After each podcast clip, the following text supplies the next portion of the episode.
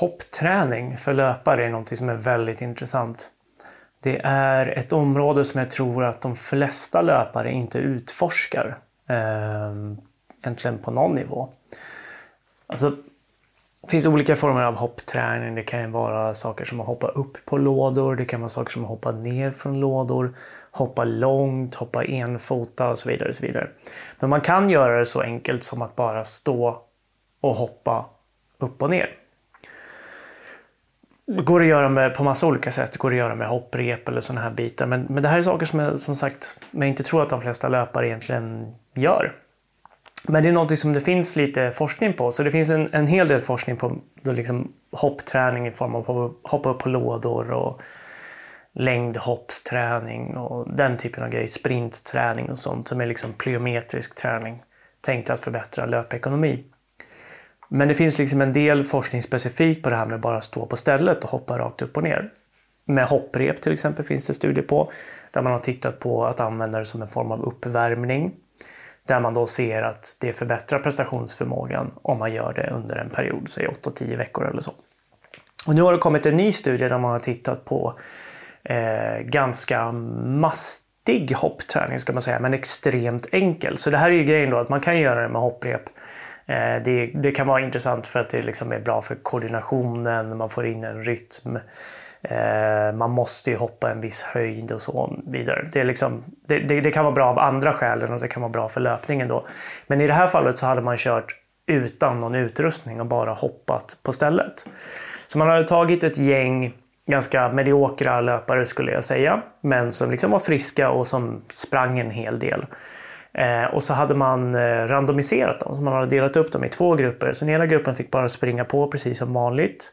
Man la sig inte i deras träning. Och den andra gruppen fick springa på precis som vanligt men blev också tilldelad sån här hoppträning då. Och det här var progressiv hoppträning så att under sex veckor så skulle de köra hoppträning som ökade med tiden i volym. Eh, det var alltid så att de skulle köra 10 sekunders set och de skulle vid varje hopp försöka hoppa så högt som möjligt med sträckta knän. Det vill säga att det är fotlederna som ska göra arbetet här. Det här är ju liksom ankle jumps kallas det på engelska.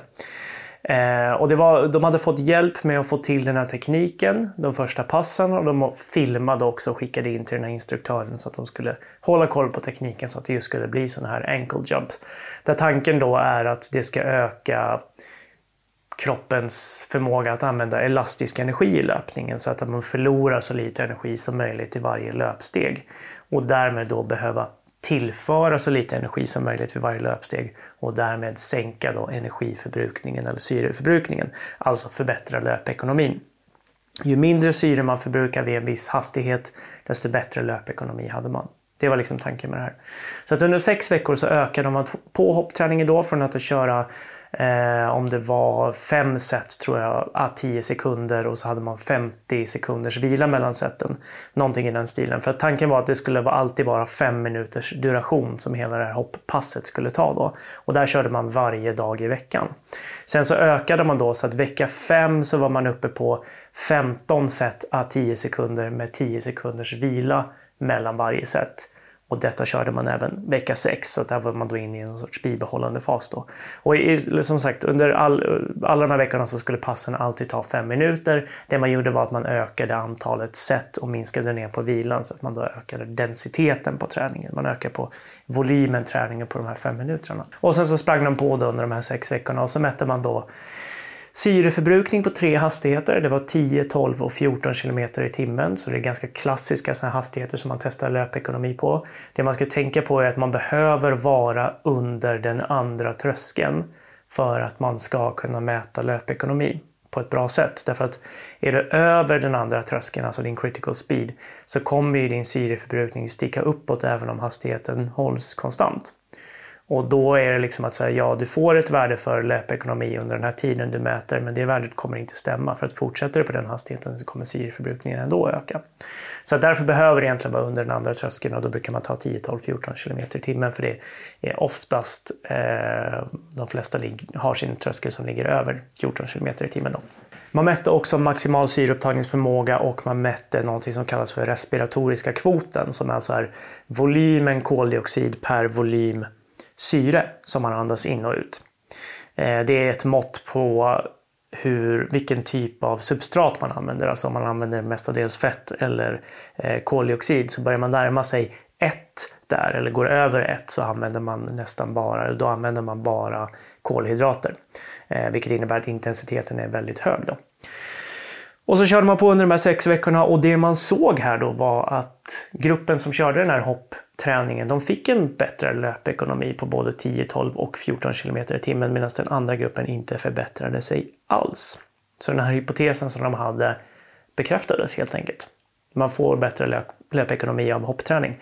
Nu var ju det här extremt mastig hoppträning. Jag tror ju själv att man skulle kunna köra mindre. Alltså de här Eh, varianterna där man har använt hopprepsträning som uppvärmning. Kanske man kör tre gånger i veckan eller fyra gånger i veckan eller något sånt där. Eh, jag skulle nog tippa på att det räcker. Man kan, om inte annat så kan man köra fem gånger i veckan och vila på helgen eller något liknande. För eh, ja, jag tycker det, det blir ganska mycket träning här.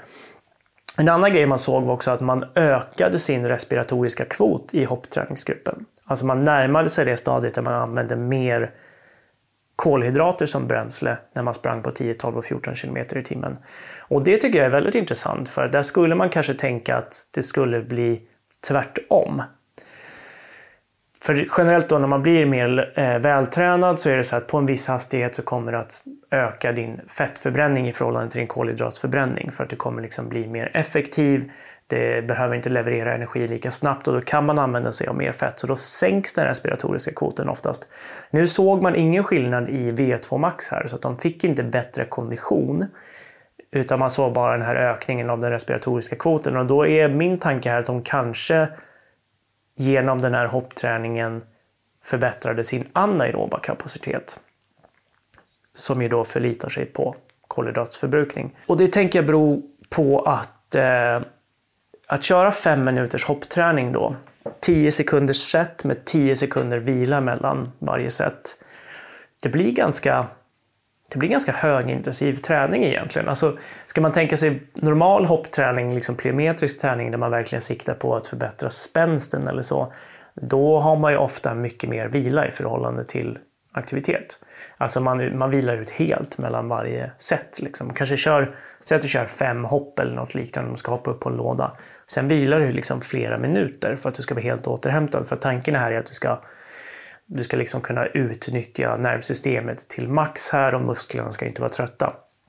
Om du då kör fem minuters hoppning där hälften av det är hoppning och hälften av det är vila, då kommer man vara ganska trött i slutet där. Så det blir liksom blir troligen anaerob träning.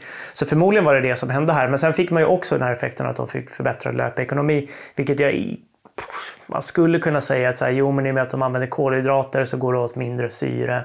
Ja, jag vet inte riktigt om det skulle funka på det sättet. Det är möjligt att det är en sån effekt och i så fall skulle man kunna få samma effekt bara genom att köra backintervaller eller något liknande. Ehm, men min tanke här i alla fall, eller tanken med studien och tanken med det här upplägget är att det inte ska vara det som gör förbättringen utan att det är Eh, den elastiska förmågan i kroppen och i underbenen. Så att ganska spännande studier. Det behövs definitivt fler studier på det här området och framförallt så tänker jag att det viktiga här är dels att undersöka vad är mekanismen till att man blir bättre och hur lite av den här träningen kan man göra för att bli bättre och sen möjligen då hur kan man optimera träningen så att man kanske då inte kör den här fem minuters passen utan skulle det räcka med att köra tre minuter eller två minuter eller något sånt där med att man verkligen kör eh, liksom mer fokuserat på just den här elastiska komponenten. Vem vet? Spännande studie som sagt och det var allt för idag. Vi ses och hörs när vi gör det.